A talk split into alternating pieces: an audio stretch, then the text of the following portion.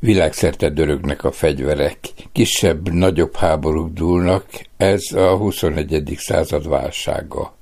Erről és arról, hogy hogyan készülhet fel erre a válságra Magyarország, tartott előadást beszélgetett a napokban az MCC Szexuális Képzési Központjában Demko Attila, a Matthias Corvinus Kollégium geopolitikai műhelyének vezetője, és korábbi főnöke Hendel Csaba, ugyanis Demko Attila dolgozott a Honvédelmi Minisztériumban akkor, amikor a miniszter Hendel Csaba volt.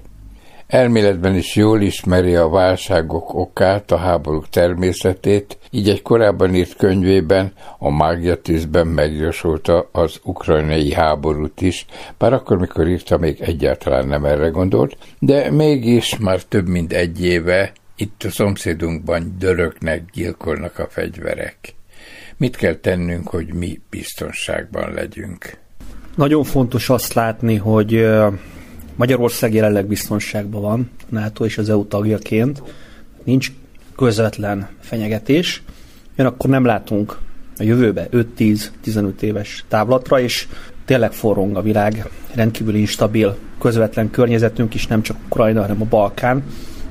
Ezért egyébként volt olyan nehéz jósolni, a regényben megjósoltam, a valóságban nem gondoltam, hogy háború lesz. Ukrajnában legalábbis ilyen jellegű háború.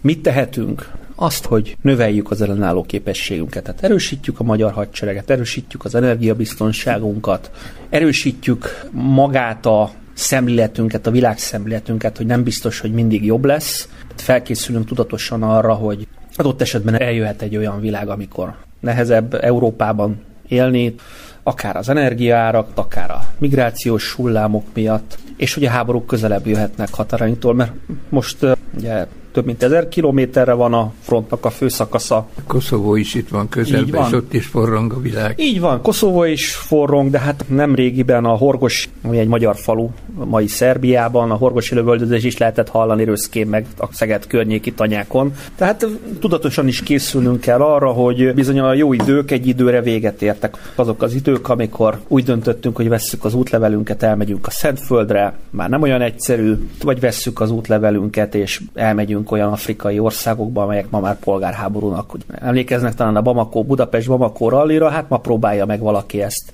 És ez nem olyan régen volt, egy 10-15 éve volt, amikor Budapestről el lehetett indulni, Maliba, meg a nyugat-afrikai térség, Mauritánia, meg egyéb ma már nagyon bizonytalan államaink keresztül, és oda lehetett térni biztonságban. Tehát tudatilag és erőben is fel kell készülni, ez a legjobb megfogalmazás nemzetiségi kérdések, területi kérdések, birodalmi érzések, minden közrejátszik. Mit lehet ezekkel szemben tenni? Egy csomó konfliktus bele van kódolva a történelembe. A határokat úgy húzták meg, ahogy húzták meg nem csak a magyar térségben, a balkáni határok sem tükrözik a nemzetiségi vonalakat, Afrika határai, közel-kelet határai teljesen mesterségesek, ezzel nem tudunk mit kezdeni. Amit tudunk, az, hogy magunkat védjük, hogyha nagyon rossz a helyzet.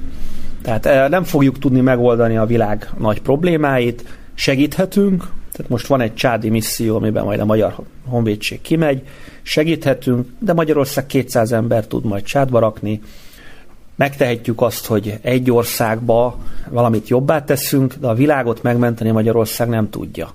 Az ukrán háborút mondjuk így megjósolta, de itt van az izraeli, az előbb beszéltünk Koszovóról, mi az, amitől legjobban kell tartanunk, amiatt legjobban kell valami ellenszert kitalálnunk.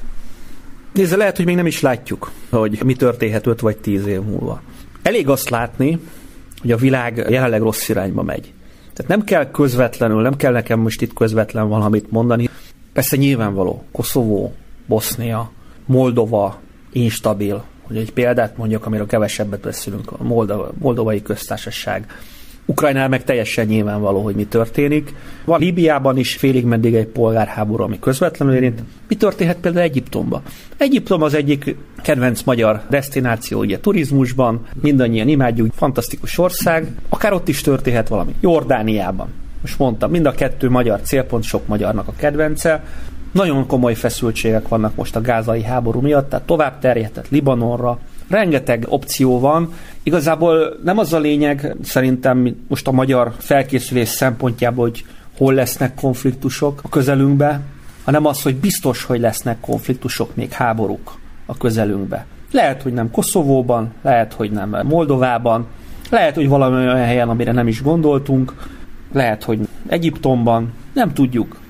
És hogyha végig gondoljuk, hogy milyen messze van Damaszkusz, nagyjából olyan messze van, mint Lisszabon, Portugáliában. Tehát nem, ezek nem nagyon messze vannak. Szudán az olyan messze van, mint a Kanári-szigetek, ahova szeretünk elmenni nyaralni. Tehát ezek nem óriási távolságokban vannak. Nem ez, tehát megjósolni nem kell, vagy nem is lehet, hogy hol lesz konfliktus. Annyi probléma van ebben a régióban, ami mondjuk nagyjából a marokkói határ, a Marokkó stabil, de mondjuk Marokkó, Algéria talán stabilabb, de onnantól Líbiától egészen Pakisztánig, meg a száhelővezetben biztos, hogy háborúk sorozata fog jönni, a demográfiai növekedés, a klímaváltozás, a gazdasági problémák miatt.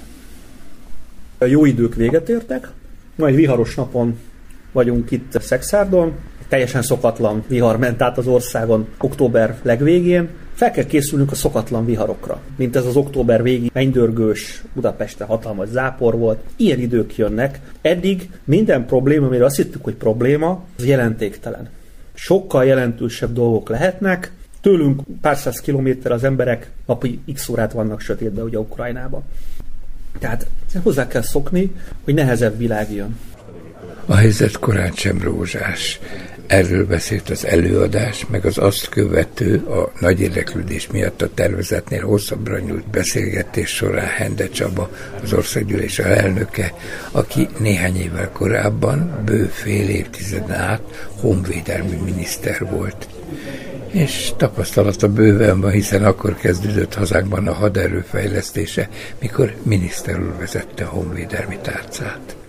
A jelenlegi világrend felbomlásának az időszakát éljük.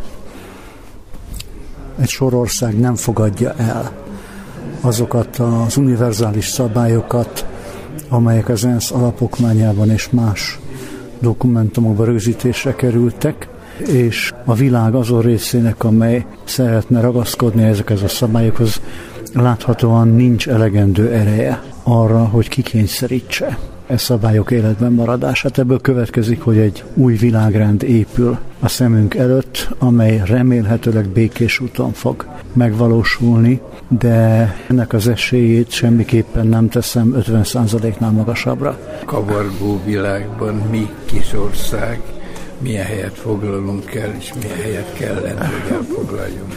Magyarország hét szomszédjából ötnél nagyobb a magyar haderő jelenleg egy olyan átfegyverzésen, technikai és humán modernizáción megy keresztül, amelyel a képességeink meg sokszorozódnak, amelyel fel tudunk zárkózni. Hát mondjuk így 1980 és 2010 közötti 30 év rendkívüli hibái és mulasztásai leküzdésére. A magyar haderő mozgékony, ütőképes, és az ország védelmét fókuszában tartó hadsereg lesz. Ennek forrásait a kormány rendelkezésre bocsátja, ezt már 2014-ben még az én miniszterségem idején egy kormány határozatban rögzítettük, azóta ezt betartjuk, és körülbelül a hétszeresére nőtt 2014-hez képest már a 9 év alatt a katonai költségvetésre. Ezen összegek jó része a katonák megemelt illetményén túl a technikai modernizációra fordítódik. Új páncélosok, tüzérségi eszközök, kézi fegyverek, lőszerek, robbanóanyagok kerülnek alkalmazásra, de meg kell említeni az új Airbus helikoptereket, és nagyon jellemző adat az, hogy a német hadiparnak Szaudarábia után Magyarország a második legnagyobb felvevő piaca, amiért egy különös egybevetés a két ország pénzügyi kondícióit is figyelembe véve szokatlan, hogy Szaudarábiával szereplünk egy sávban. A legfontosabbnak én ha már a szellemi honvédelemre kérdezett, a nemzeti egységet tartom. Magyarországnak kizárólag a saját érdekeit kell követni, nem szabad engedni azt, hogy bele erőszakoljanak, bele kényszerítsenek minket olyan konfliktusokban, ahol Magyarországnak nyerni valója semmi sincs, de veszteni valója annál több.